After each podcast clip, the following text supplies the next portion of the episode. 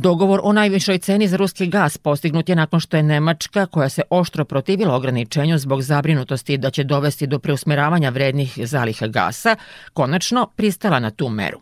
Ograničenja će se primenjivati od 15. februara iduće godine i važiće privremeno godinu dana.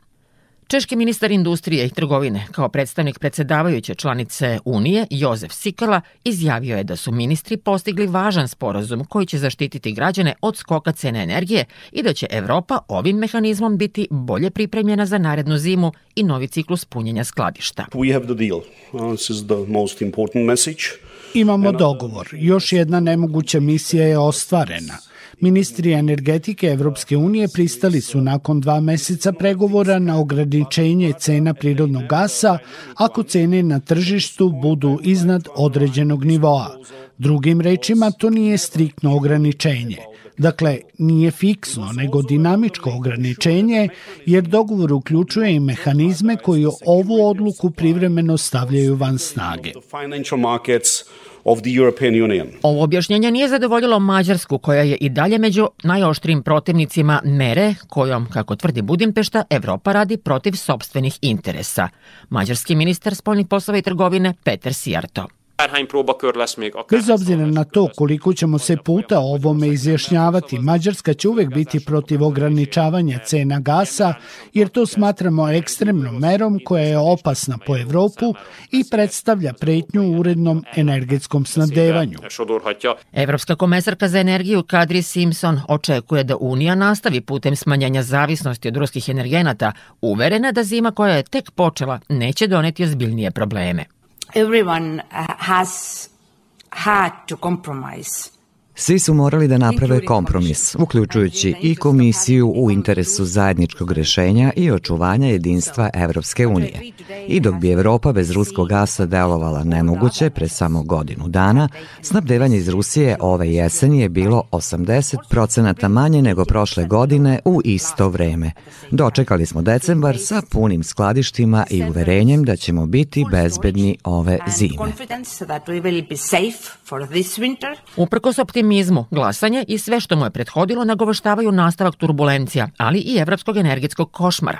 Stručnjaci za energetiku i zapadni ekonomski analitičari nisu uvereni u efekte mera, a skepsi doprinose i prosta matematika i statistika potrošnje energenata. Na primjeru Nemačke to izgleda ovako – Govore kako su rezerve 99% popunjene, što je procena na osnovu najavljene blage zime, ali realno. To je dovoljno za samo dva zimska meseca. Dakle, ako sutra krenu ledeni dani, u januaru, na primer, Nemačka više neće imati gaz. Analitičar Bloomberga Javier Blas kao konstantu i jedinu sigurnu tačku za čitavu evropsku porodicu izdvaja samo jednu meru. The single most important measure. Pojedinačno najvažnija i najefikasnija mera jeste niža crtica na termostatu. Smanjenjem temperature grejanja na 19 stepeni za 5 do 7 procenata mogu da se umanje evropske potrebe za gasom. Sumnju u efikasnost poslednje evropske odluke o gasu izaziva i činjenica da su i ovaj put dogovor pratili izuzeci i mehanizmi za njegovo privremeno obustavljanje. Iako uperene protiv ruske ekonomije, evropske energetske barijere najmanje pogađaju Moskvu, objašnjava urednica portala Energija Balkana Jelica Putniković. E, zapravo su šefovi iz Brisela koji su političari doneli geopolitičku odluku protiv Rusije, a lošu ekonomsku odluku protiv Evrope. Jer e, odustajanje od ruskog gasa dovelo je do toga da je e, prirodni gas poskupeo kao energent koji se uvozi. Evropa ne može da obezbedi dovoljne količine tog energenta iz sobstvene potrošnje i automatski čim su počeli da odustaju od kupovine ruskog gasa poskupeo je LNG gas koji stiže tankerima preko okeana, da li iz Sjedinjih američkih država ili iz eh, azijskih zemalja, jer jednostavno su prodavci videli mogućnost da skuplje prodaju svoju robu.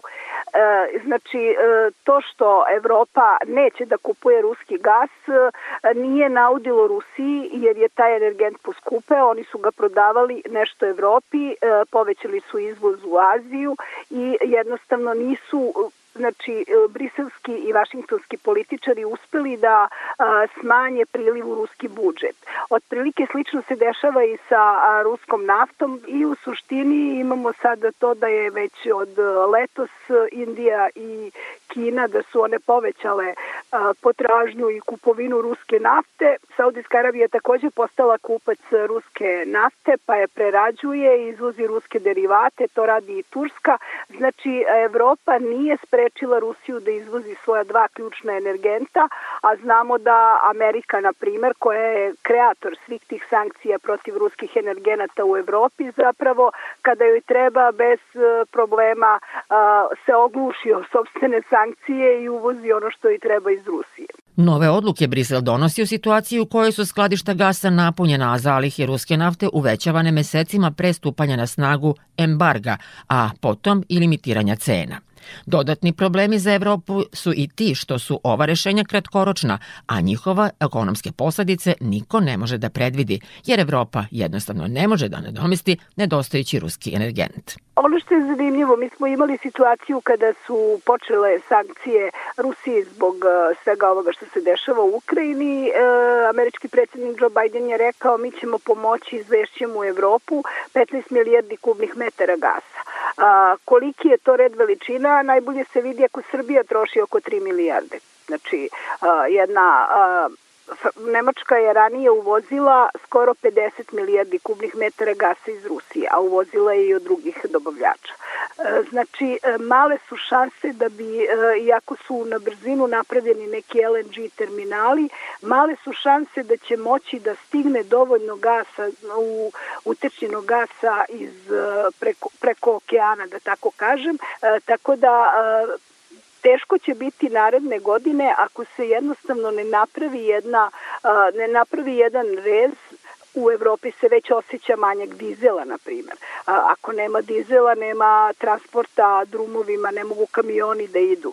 Evropa ima toliko problema da ja mislim da političari u Briselu nisu ni svesni koliko je to veliki problem pred njima, ali je naravno najbitnije onaj da građani neće trpeti da budu uh, u hladnim stanovima, bez lekova, naravno ugrožena je proizvodnja hrane i tu se čitav niz nekih uh, manjih problema, karika da kažem u tom lancu problema, a oni nisu ni svesni koliko su zapravo uh, počeli sebi da prave veliki problem kada su krenuli u ekonomski rat energentima sa Rusijom. Od septembra prošle godine Evropska unija je već izdvojila oko 600 milijardi evra za zaštitu potrošača od rastućih cena energije. Dovoljno samo za pomoć najugroženim kategorijama stanovništva, ali nedovoljno da umanji težinu preživljavanja, rastuće nezadovoljstvo i proteste kojih je poslednjih nedelja sve više u gradovima širom Evrope. Neki ljudi jednostavno ne mogu sebi da priušte ovolike troškove.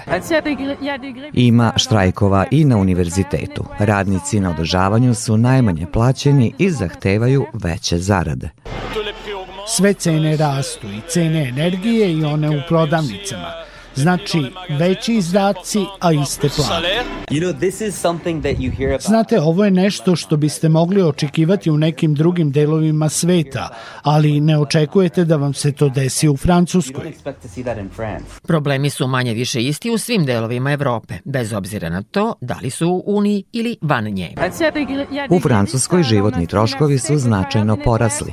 Hleb, meso, računi za struju su učetvorostručeni.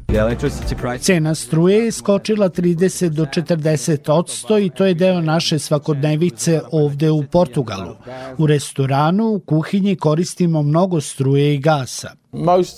Većina proizvoda je poskupela i kod nas u Britaniji. Cene su porasle za bar 15 do 20 odsto. Naše marže su sve manje, ali je manje i kupaca koji ulaze u radnju. Ljudima je potrebno više novca za život. Suštinski izazov za Evropu je kako nadomestiti energente koji iz Rusije po ograničenim cenama sigurno neće stizati do potrošača i kako da se izbori sa budućim poremećajem tržišta energije, jer Rusija je bila jasna. A što budut primati kakие rešenja? Ako neko donosi političke odluke koje su protivne ugovorima, onda ni mi nećemo poštovati ugovore. Nećemo podržati ništa što je protivno našim ekonomskim interesima. Neće biti isporuka ni gasa, ni uglja, ni nafte. Ničega. Predsednik Rusije Vladimir Putin nagovestio je i kakve su posledice. No pa dumajem при необходимости и возможных сокращения добычи. Ako bude potrebno, razmislit ćemo o smanjenju proizvodnje, jer ako ikad iko prihvati da potrošači dogovaraju cenu, onda nas to vodi u kolaps čitave industrije kojoj već nedostaju investicije, koje će u ovom slučaju biti ravne nuli. Это инвестирование сведется к нулю. Sve to u evropsku ekonomsku jednačinu unosi dodatne nepoznate sa kojima vlade nisu uspevale da se izbore ni u trenutku kada je manevarski prostor bio mnogo veći. Posledice trpe i građani i privreda, ističe Jelica Putniković. Ono što je evidentno nije e, ni prirodni gas e, pa ni naftni derivati ne koriste se samo da kažemo u potrošnji kod građana. Ono što je najbitnije da a, prirodni gas koji je i sirovina i energent u industriji a, je uticao već na zapadnu evropsku privredu, znači najrazvijenije zemlje, pre svega Nemačka, imaju ogromne probleme i jednostavno Evropa od